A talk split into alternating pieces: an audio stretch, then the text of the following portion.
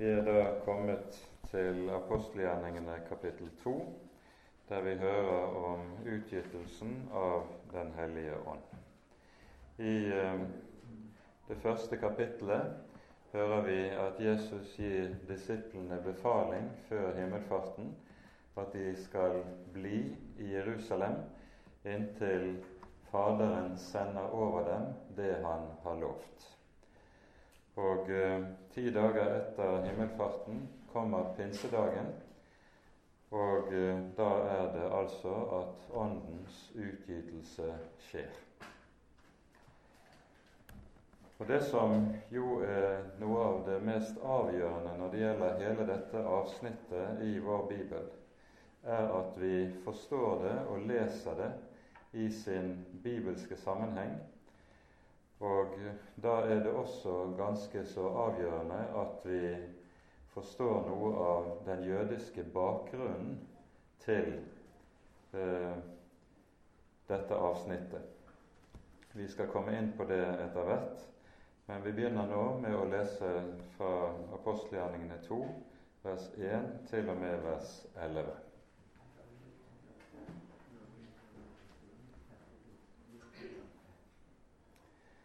Da pinsefestens dag var kommet, var de alle samlet på samme sted. Da kom der med ett en lyd fra himmelen, som når et veldig stormvær farer frem og fylte hele huset der de satt. Og det viste seg for dem tunger, like som av ild, som delte seg og satte seg på hver enkelt av dem. Da ble de alle fylt med Den hellige ånd, og de begynte å tale i andre tungemål, alt ettersom Ånden ga dem å tale. Nå bodde det i Jerusalem gudfryktige jødiske menn fra alle folkeslag under himmelen. Da denne lyden hørtes, samlet det seg en stor folkemengde, og de ble forvirret fordi de hørte dem tale, hver og en på sitt eget språk. De ble helt ute av seg av undring og sa:" Er ikke alle disse som taler, galileere? Hvordan kan det da gå til at hver av oss hører vårt eget språk, det vi er født i, vi partere og medere og elamitter, vi som bor i Mesopotamia, Judea, Kappadokia, Pontus og Asia, Frygia og Pamphylia, Egypt og områdene i Libya mot Kyrene, og vi tilreisende fra Roma, både jøder og tilhengere av jødenes tro, kretere og arabere. Vi hører dem tale om Guds store gjerninger på våre egne språk. Dette er altså det som skjer. Og etter kommentaren fra noen av eh, de tilstedeværende som beskylder dem for å være fulle av søt vin, er det så Peter griper ordet, og vi hører Peters tale på pinsedag. Vi rekker neppe å gå nærmere inn på Peters tale, for det er såpass mye å se på i disse første versene at jeg tror dagens bibeltime kommer til å begrense seg til det. Det står at da pinsefestens dag var kommet Pinsefesten det er en av de gammeltestamentlige høytider. En av de tre såkalte regalim. Eh, en av de tre valfartshøytidene der alle eh, voksne menn av Israel skulle møte for Herrens ansikt i helligdommen i Jerusalem. De to andre er påske og løvhyttefest.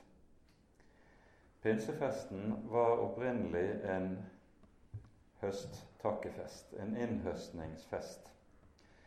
I det det var slik at mens man på dagen etter den sabbaten i påsken så ble det første kornbåndet av eh, bygghøsten båret frem i Herrens helligdom. Det som var den første dagen etter sabbaten i eh, påskehøytiden, det var jo påskemorgen. Og i tråd med dette kalles Jesus førstegrøden av de døde.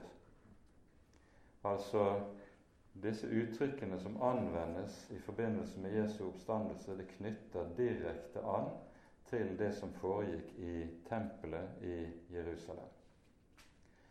Så finner vi i Tredje Moseboks 23. kapittel eh, befalingen om eh, de, alle høytidene, og om eh, pinsefesten, som i Det gamle testamentet kalles ukenes høytid fordi den faller syv uker etter påskehøytiden, så skal det være en nedtelling frem til denne. Akkurat som vi i adventstiden teller ned til julaften, så skulle jødene telle ned frem til pinsehøytiden. Og Dette blir den dag i dag holdt ved like innen ortodoks jødedom, idet man hver morgen ber følgende bønn i denne tiden. Velsignet være du, Herre vår Gud, himmelens og jordens skaper, som helliger oss ved dine bud og har befalt oss å telle omeren. I dag er det den femte dagen, den førtiende dagen etter omeren. Og omer det er det hebraiske navnet på det byggneket, eller byggkornbåndet, som ble båret frem i tempelet i påskehøytiden. Når pinsen kom, så skulle førstegrøden av hvetekornet, eller hvetehøsten, bæres frem i helligdommen. Og dette er den gammeltestamentlige eh, befalingen og pålegget om høytiden. Men når vi kommer til eh, Jesu tid, 1500 år etter at Moseloven var gitt, så har pinsehøytiden utviklet seg til å bli en høytid til minne om lovgivningen på Sinai. Og Derfor var det slik i uh, jødedommen allerede på denne tid og frem til den dag i dag at på pinsefestens dag så leste man bl.a. i synagogene 2. Mosebok kapittel 19 og 20 der vi hører om hvorledes de ti bud blir åpenbart. Um, og dette, at dette var blitt slik, hang sammen med at når rabbinerne, som jo arbeidet meget, meget grundig med bibeltekstene, telte opp i uh, andre Mosebok uh, dagene som gikk fra utgangen av Egypt frem til Israel sto samlet ved Sinai berg, så kom en nettopp til at det måtte ha gått 50 dager fra påsken frem til loven ble gitt på Sinai. Vi behøver ikke gå inn i, måten, i detaljer i måten dette ble gjort på, men dette var fast uh, overbevisning innenfor rabbinsk jødedom og dette hadde altså fått nedslag i synagogen idet en da leste kapittel 19 og 20 i Andre Mosebok i synagogene denne dagen. Og Dette fikk også sin fortsettelse innenfor Den kristne kirke, i det vi i gamle liturgier som man kjenner fra Oldkirken, så vet man at når det var pinsehøytid, så fortsatte de første kristne med å lese 2. Mosebok 1920 i, nettopp i forbindelse med denne høytiden. Det var en del av eh, menighetens gudstjenester på denne dagen. Vi skal komme tilbake til eh, hva dette innebærer, for det har den aller største betydning for forståelsen av hva det er som skjer her når Den hellige ånd blir gitt. Men det som også er avgjørende i denne sammenheng, det er å så å si ha med seg det større perspektiv på dette. Fordi når Den hellige ånd nå kommer på pinsedagen, så skjer det i sammenheng med et språkunder. Og da er det viktig å understreke her at dette språkunderet handler ikke om tungetale, sånn som vi vanligvis får det fremlagt. Det er tale om et reelt språkunder der tilhørende jo forstår meget klart og tydelig hva det er som tales. Det som kalles for tungetale i våre dager, det er jo det motsatte. Det er noe som ingen forstår, og ingen begriper noe som helst av. Men her er det altså et språkunder der alle forstår, og det er poenget med det.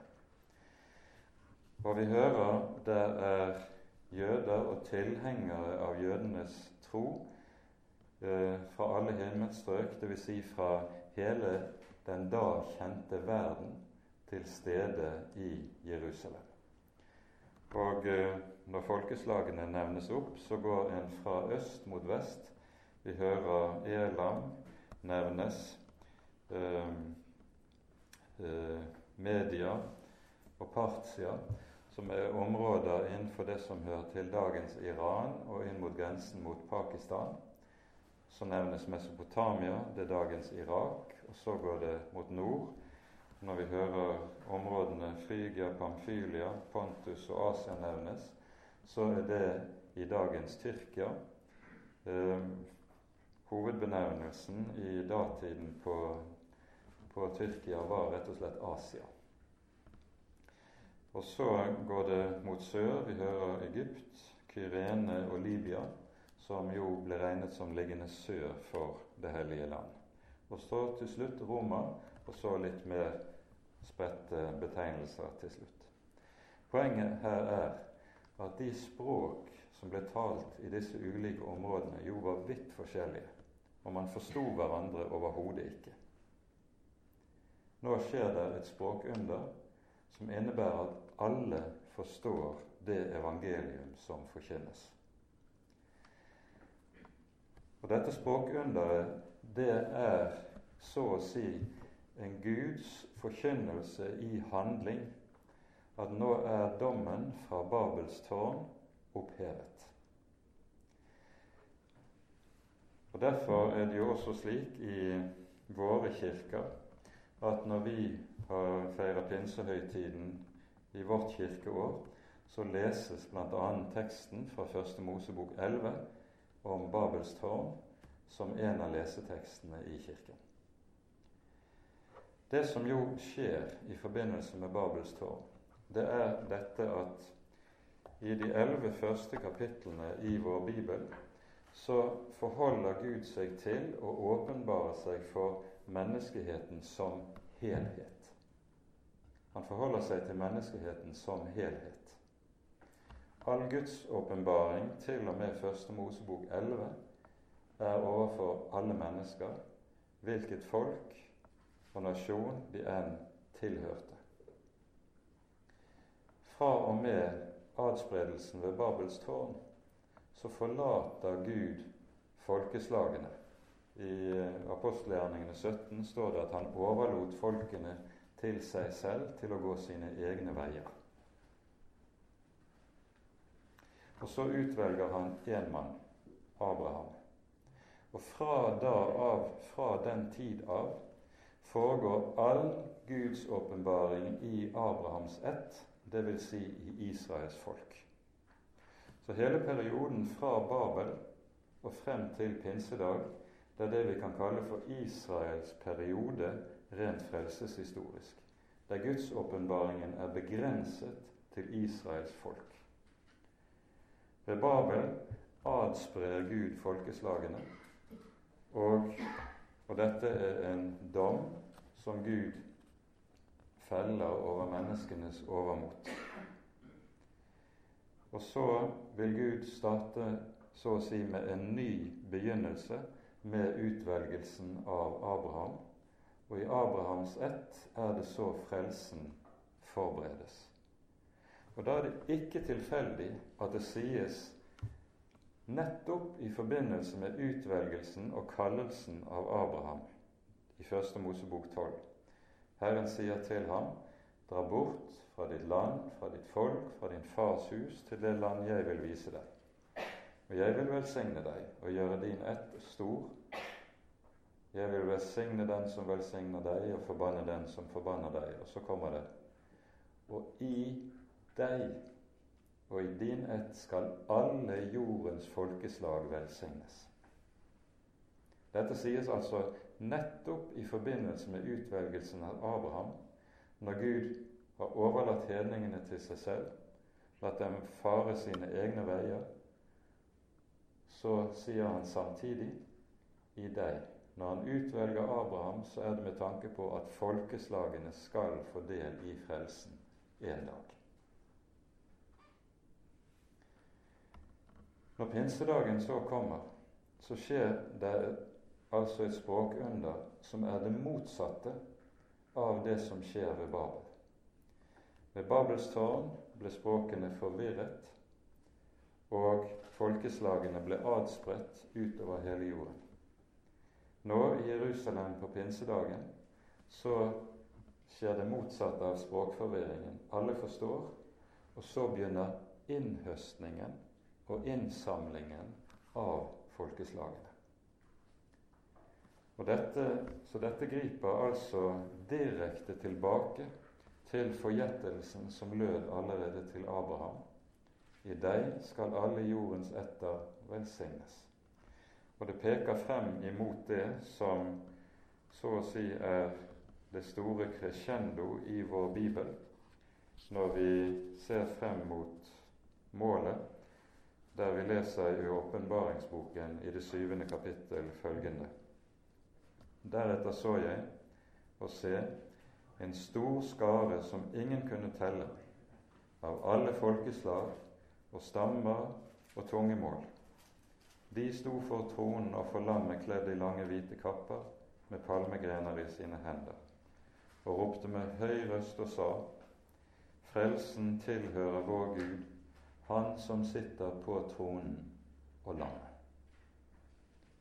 Da har det som tok sin begynnelse på pinsedagen, nådd sitt mål. Og så er det da slik at det som skjer på pinsedagen, det er at Israels periode rent frelseshistorisk nå eh, avløses av det som kalles hedningenes tid i Bibelen. Det er misjonens tid, det er Åndens tid, det er Kirkens tid, der Gud samler inn i sitt rike mennesker av alle folkeslag og av alle tungemål. Og Denne periode i Bibelen den kalles også for den siste tid. Tiden fra Kristi himmelfart og frem til hans gjenkomst, den kalles også i Bibelen for den siste tid eller de siste dager. Det er altså ikke bare kun perioden umiddelbart før Jesu gjenkomst, som i Bibelen kalles for den siste tid, men hele epoken fra Kristi himmelfart frem til hans gjenkomst kalles vanligvis for den siste tid eller de siste dager i Bibelen. Og Dette er viktig å være oppmerksom på, for dette er Bibelens språkbruk og måten Bibelen taler om dette på. Dette er altså det første hovedsak man må være oppmerksom på om man ønsker å forstå det som skjer på pinsedagen, eh, rett. Det har en helt bestemt frelseshistorisk sammenheng som det står i. Og Det innebærer også at det som skjer på pinsedagen i Jerusalem, og som vi har lest om, det er det vi kaller for en frelseshistorisk begivenhet. Det betyr det er en begivenhet som ikke verken kan eller skal gjentas. Akkurat på samme måte som Jesu død og oppstandelse ikke kan eller skal gjentas, det skjer én gang for alle. Sånn er det også med pinsedagen. Den verken kan eller skal gjentas. Denne åndsutgytelse er en frelseshistorisk engangsbegivenhet som innvarsler denne nye frelseshistoriske epoke som vi står overfor. Og Det er jo her vi får føye til da i parentes at vi står overfor en grov misforståelse av bibeltekstene som et helt kirkesamfunn og en hel kirkebevegelse har gjort seg skyldig i, nemlig når pinsebevegelsen hevder at dette er noe som skal gjentas i alle kristnes liv oppover gjennom hele historien. Så er ikke tilfellet. Det er ikke slik at alle skal tale i tunger og døpes med Den hellige ånd på denne måte. For dette som skjer her, det er en engangsbegivenhet. Hvorledes får vi Den hellige ånd? Det svarer Peter på i slutten av kapittelet. Eh, når han sier 'enhver av dere la seg omvende og døpe til Jesu Kristi navn', så skal han få Den hellige ånd. Den hellige ånd skjenkes og gis i forbindelse med den hellige dåp. Det er hovedregelen i Den hellige skrift. Gjennom nådens midler er det Herren utdeler sin hellige ånd, ikke på noen annen måte. Og det er og blir det som er normalen og regelen gjennom hele Kirkens historie. Dette kommer vi til å komme mer tilbake til senere, men vi nevner dette allerede her. Når Ånden nå blir gitt, så skjer denne ånds utgytelse eh, under ledsagelse av sterke tegn, undergjerninger, som er gitt ovenfra. Og her er det parallellen til det vi hører i Andre Moseboks 19. og 20. kapittel blir umåte betydningsfullt. I det det er slik at rabbinsk eh, utleggelse av 2. Moseboks 19. og 20. kapittel, det eh, var noe som var allment kjent innenfor datidens jødedom, og gjør at alle de som er til stede og er vitne til det som nå skjer denne dagen, de gjenkjenner det og ser umiddelbart dette er jo nøyaktig det samme som skjedde ved Sinai da loven ble gitt, da den gamle pakt ble innstiftet. For når man i jødedommen feiret pinsehøytiden til minne om at loven ble gitt, så var det samtidig også en feiring av inngåelsen av den gamle pakt. For det var jo ved Sinai den gamle pakt ble inngått. Og La oss se på et par detaljer um, i 2. Moseboks 19. og 20. kapittel som peker på noe av det vi her er inne på.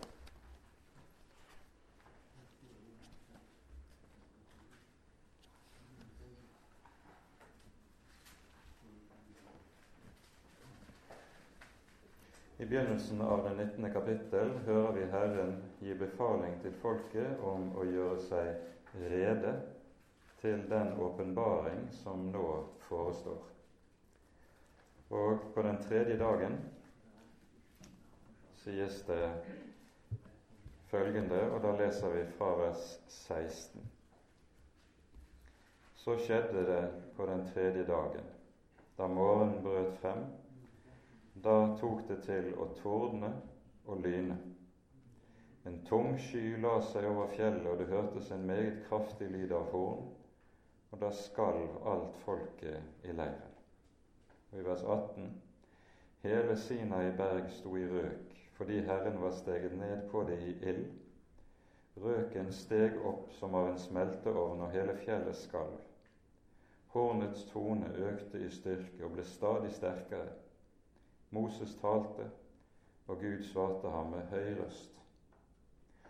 Det er altså slik at lovåpenbaringen ledsages av voldsomme og fryktinngytende naturfenomener, som delvis kan minne om vulkanutbrudd, delvis kan minne om andre slags voldsomme naturfenomener, men Det er altså Herren som steg, stiger ned i ilden og taler med lydelig røst. Og Da er det slik at når rabbinerne nå leser vers 16, så er det sånn at det ordet som i våre bibler er oversatt med 'torden', det betyr bokstavelig en stemme eller en røst. Der kom en stemme og lyn. Det er det som bokstavelig står i grunnteksten. Det kom en røst og et lyn og lyn. Og så, når vi hopper til kapittel 20, leser vi følgende i vers 18. Hele folket så røstene og ildtungene og tonen fra horn og fjellet i røk. Her er det sånn at noen bibeloversettelser der står det 'hele folket så og hørte røstene og ildtungene og tonen fra horn'. Men verbet 'høre' står ikke i grunnteksten. Det står at folket så røstene og hørte og så ildtungene. Det rabbinerne da legger merke til, det er flere ting. For det første så stiller de seg spørsmålet hvordan, hva er årsaken til at det står at folket så røstene? Man ser jo ikke en røst, man hører en røst. Jo, sier de, det var fordi at røstene de åpenbarte seg i form av ildtunger som satte seg på hver og en av folket. Og da skjønner vi Da har vi, drar vi kjensel for hva som skjer i apostelgjerningene 2. Og de eh, har som skriftbelegg for denne utleggelsen det vi hører i Davidssalme 29, der det står om hele salme 29 handler om Herrens røst. Og det står bl.a. i denne salmen Herrens røst slynger ut kløvede ildsluer. Altså Guds røst åpenbarer seg nettopp som ildtunger som da her ved Sinai setter seg på hver og en i folket. Salme 29. Dernest så stiller de spørsmålet hvorfor står det i kapittel 19 vers 16 røst i entall, mens det i kapittel 20 står røster i flertall? Hva er årsaken til det? Jo, svarer de, det er fordi at Gud, når Han åpenbarer sin hellige lov, så åpenbarer Han sin hellige lov på alle de tunge mål som ble talt under himmelen. Ja? Er det for høyt? Ja vel. Er det bedre nå når jeg tar den litt lenger fra? Ok? Um, det står jo tidligere i andre Mosebok at det fulgte med en stor skare, en stor blandet skare av mennesker med Israel når de dro ut av Egypt. Og etter rabbinsk tradisjon så hørte denne blandede, til denne blandede skare hørte det folk av alle slags ulike tungemål. Nå er de så å si representanter for alle folkeslagene. Og så kommer Herren og åpenbarer seg på de respektive folkeslagenes egne tungemål og spør dem. Han legger frem for dem sin hellige lov, de ti bud, og så spør han folkeslagene vil dere holde min lov. Og alle folkeslagene svarer nei. Det vil de ikke. Det er bare Israels folk som svarer ja. Og dette er jo helt en måte å tenke på som er helt grunnleggende i eh, Israels selvforståelse. Israel er det folk som har tatt på seg lovens åk frivillig, mens alle folkeslagene ellers under himmelen, de har avvist det. Så når det taler om røster i flertall, i kapittel 20, så det taler om de røstene som taler på de mange ulike tungemål, mens når det taler om røsten i entall i kapittel 19, 16, da er det den røst som taler til Israels folk alene. Slik leste rabbinerne denne teksten. Og da blir det jo iøynefallende hvor parallelt det som skjer på pinsedagen, er til nettopp den rabbinske forståelsen av hva som skjedde eh, ved Sinai, er til det som skjer på pinsedagen. Og Derfor vil det også være sånn at det folket som nå samles og ser det som skjer når Ånden utgytes De hører de mange tungemål, de ser ildtungene, de hører det voldsomme bruset av stormen. Så må de umiddelbart tenke nå opplever vi Sinai på ny. Dette er nøyaktig det samme som skjedde ved Sinai berg. Og Det er også viktig å vite at dette er noe av den grunnleggende betydning av det som skjer på pinsedagen. Ved Sinai ble den gamle pakt innstiftet og trådte i kraft. Fra pinsedag av trer den nye pakt i kraft. Den nye pakt som var lovet i, allerede hos profetene i Det gamle testamentet. Og Vi skal lese et par tekster som eh, sier noe om dette. Først Jeremia kapittel 31.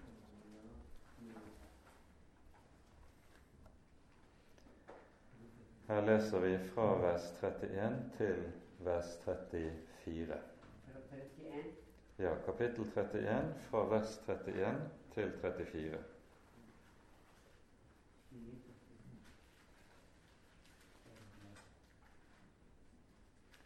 Se, dager kommer, sier Herren, da jeg vil opprette en ny pakt med Israels hus og med Judas hus. Den skal ikke være som den pakten jeg opprettet med deres fedre på den dagen da jeg tok dem ved hånden og førte dem ut av landet Egypt den pakten med meg som de brøt, enda jeg var deres ektemann, sier Herren.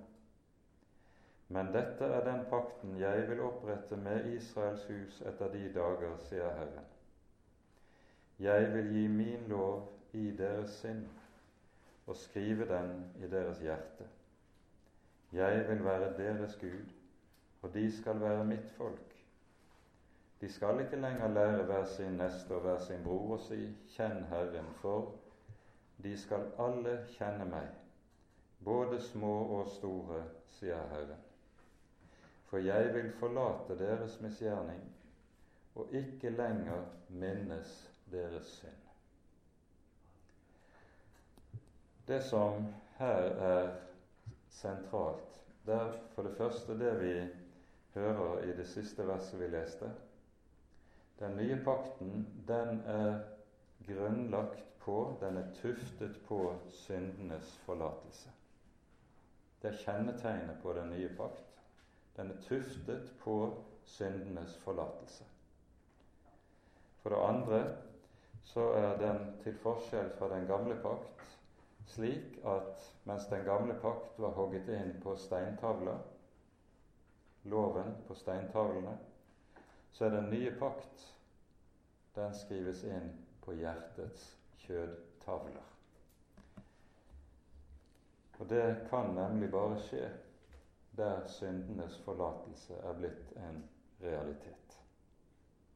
Sammen med denne teksten hører ordene i Esekiels bok, kapittel 36. Og vi leser også derfra kapittel 36 fra vers 26.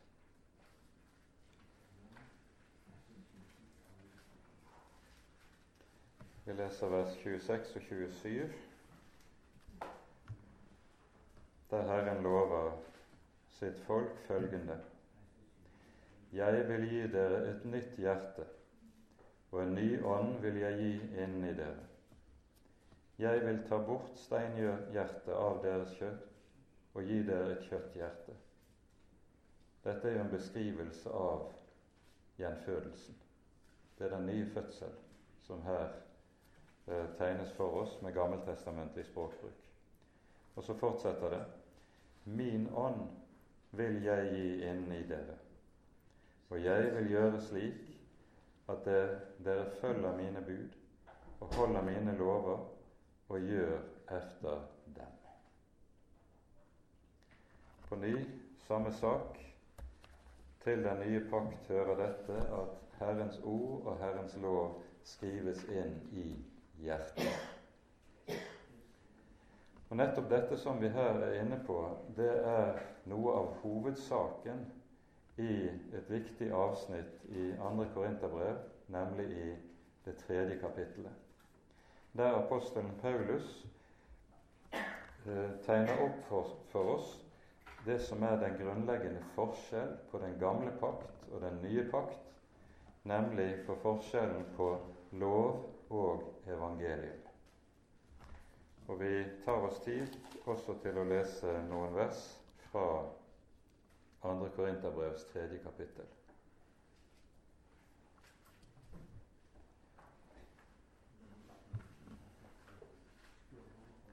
Vi leser fra vers 4. En slik tillit har vi til Gud ved Kristus. Ikke slik at vi av oss selv duger til å uttenke noe som av oss selv, men vår dugelighet er av Gud.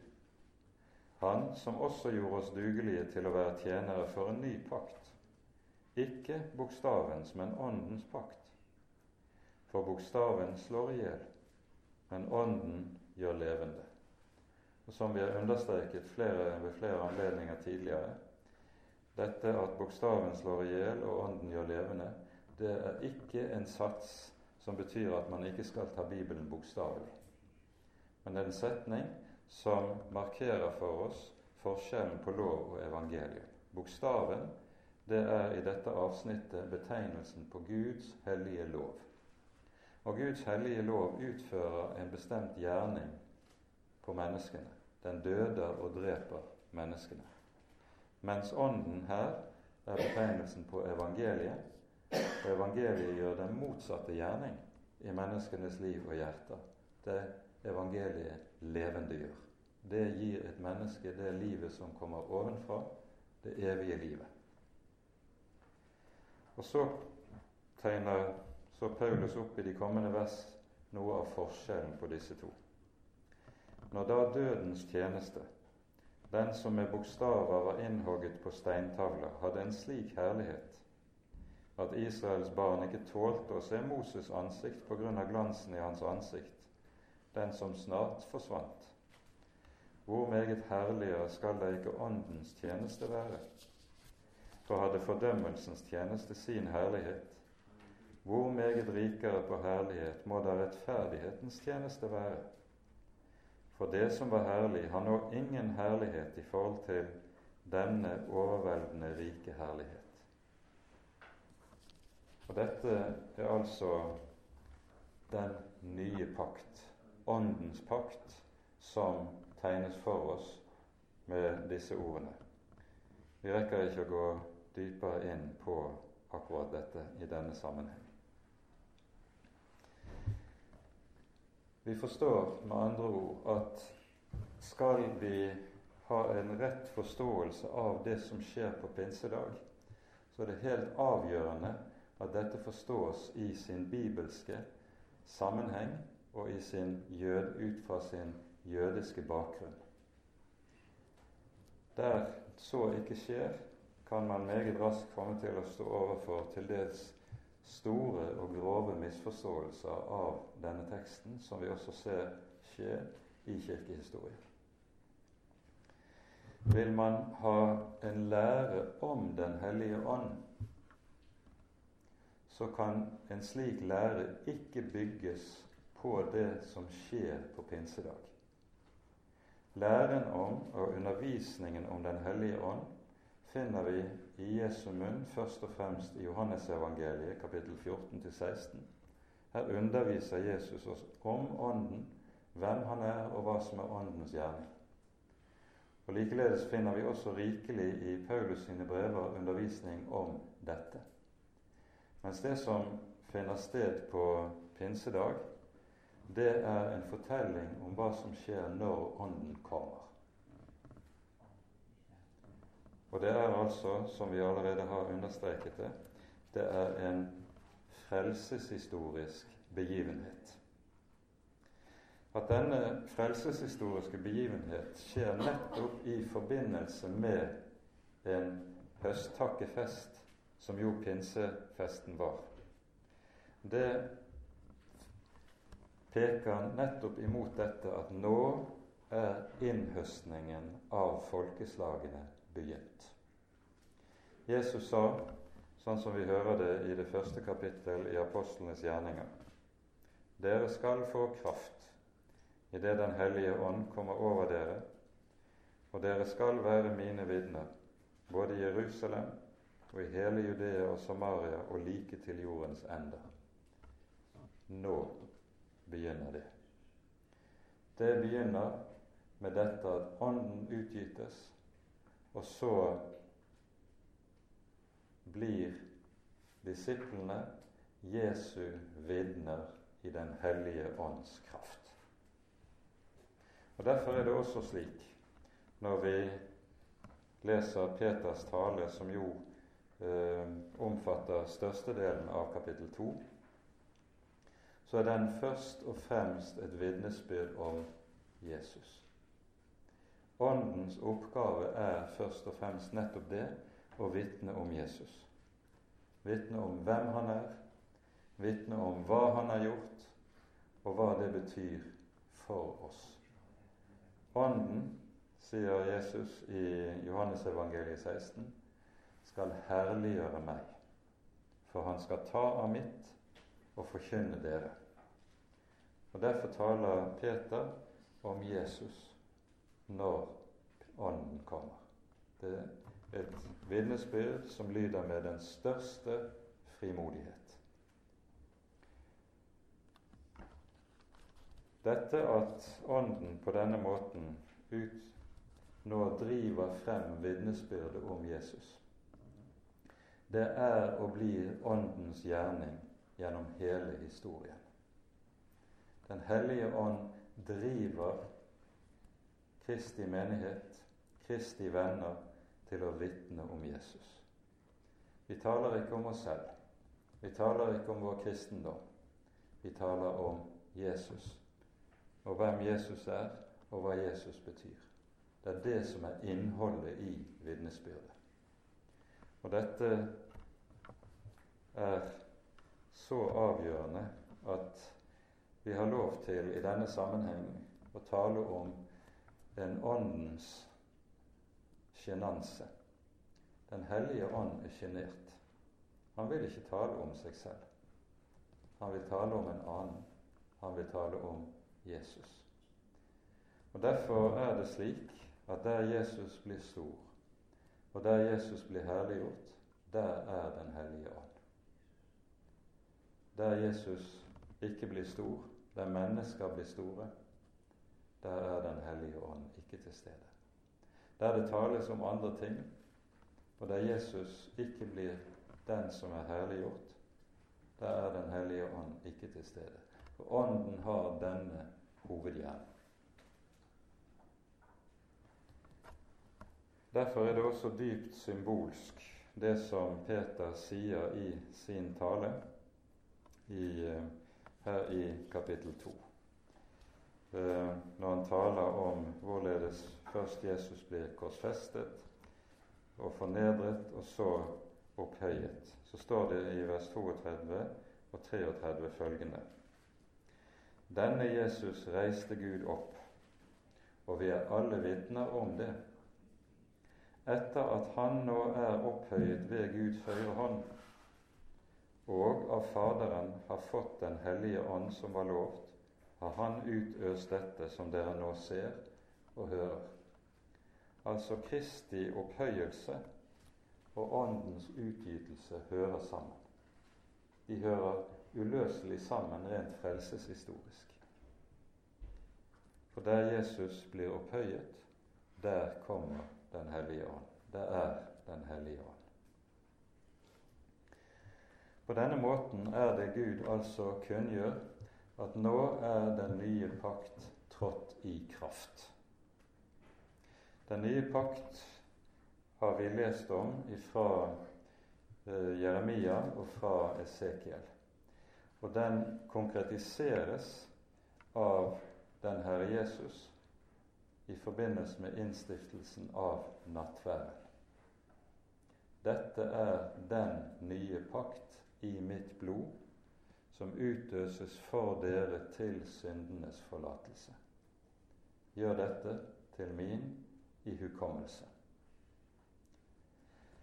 Disse Jesu ord i forbindelse med innstiftelsen av nadværen, der han taler om den nye pakt, det er selve tolkningsnøkkelen både til Jesu død, lidelse, død og oppstandelse, samtidig som det gir oss, åpner opp for oss like som det som er veien videre for den kristne menighet gjennom historien. Den kristne menighet er en menighet som er lukket inn i den nye pakt i kraft av forsoningen i Jesu blod.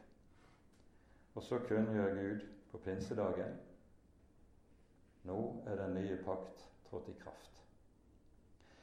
Og når vi hører den første kristne menighet som nå sammen blir samlet Vi hører jo at det er 3000 mennesker som døpes denne dagen etter apostlenes vitnesbyrd. Så beskrives det hva som kjennetegner denne første kristne menighet. Og alle de troende, sies det i vers 42. Det er jo her vi har de fire b-ene de holdt trolig fast ved apostlenes lære, ved samfunnet, ved brødsbrytelsen, altså nemlig nattverden, og ved bønnene. Vi forstår her nevnes de fire mest grunnleggende kjennetegn. Og Nadværfeiringen har altså hørt med som ett av disse fire grunnleggende kjennetegn på den sanne menighet. Nå er det mange som har spurt seg selv Vi skal se nærmere på dette på neste bibeltime. Det er mange som har spurt seg selv hvordan i alle dager kan det ha vært mulig å døpe 3000 mennesker i Jerusalem på pinsedagen? Sommeren var kommet. Det var lenge siden det siste regnet hadde falt på vinteren. Tørketiden var begynt. Hvordan i alle dager kan det ha vært mulig å døpe 3000 mennesker? For dåpen ble ikke foretatt den gangen sånn som vi gjør det, med å ta vann tre ganger over hodet. Eh, dette kom inn relativt tidlig i Oldkirken, eh, men det ble foretatt ved full neddykking. Forklaringen på at dette kunne være mulig, det er at har man funnet arkeologisk i Jerusalem. I området sør for eh, Herodes tempel, der har man i de senere år gravet ut eh, hundrevis av jødiske rituelle bad, såkalte mikver. For når, før eh, mennesker kunne gå opp i Herrens helligdom og bringe frem ofre, så skulle jeg gjennomgå et renselsesbad. Eh, og dette badet het da badet heter i jødisk tradisjon mikve. Og der en skulle dukke seg helt under. Og det var sørget for både vanntilførsel og annet i Jerusalem, så det var tilstrekkelig til at tusener på tusener kunne gjennomgå disse rituelle badene under høytidene før de gikk opp til tempelet for å bringe sine offer og delta i gudstjenesten der. Så det vi med sikkerhet kan regne med, det er at dåpen har vært forrettet der hvor disse rituelle badene finnes, i umiddelbar nærhet på sydsiden av Herodes tempel. De som eventuelt besøker Jerusalem, kan ved selvsyn se en del av dette som er utgravet der, for det ligger i dag som et, et arkeologisk museumsområde som er uhyre interessant å se nærmere på hvis man har mulighet til det.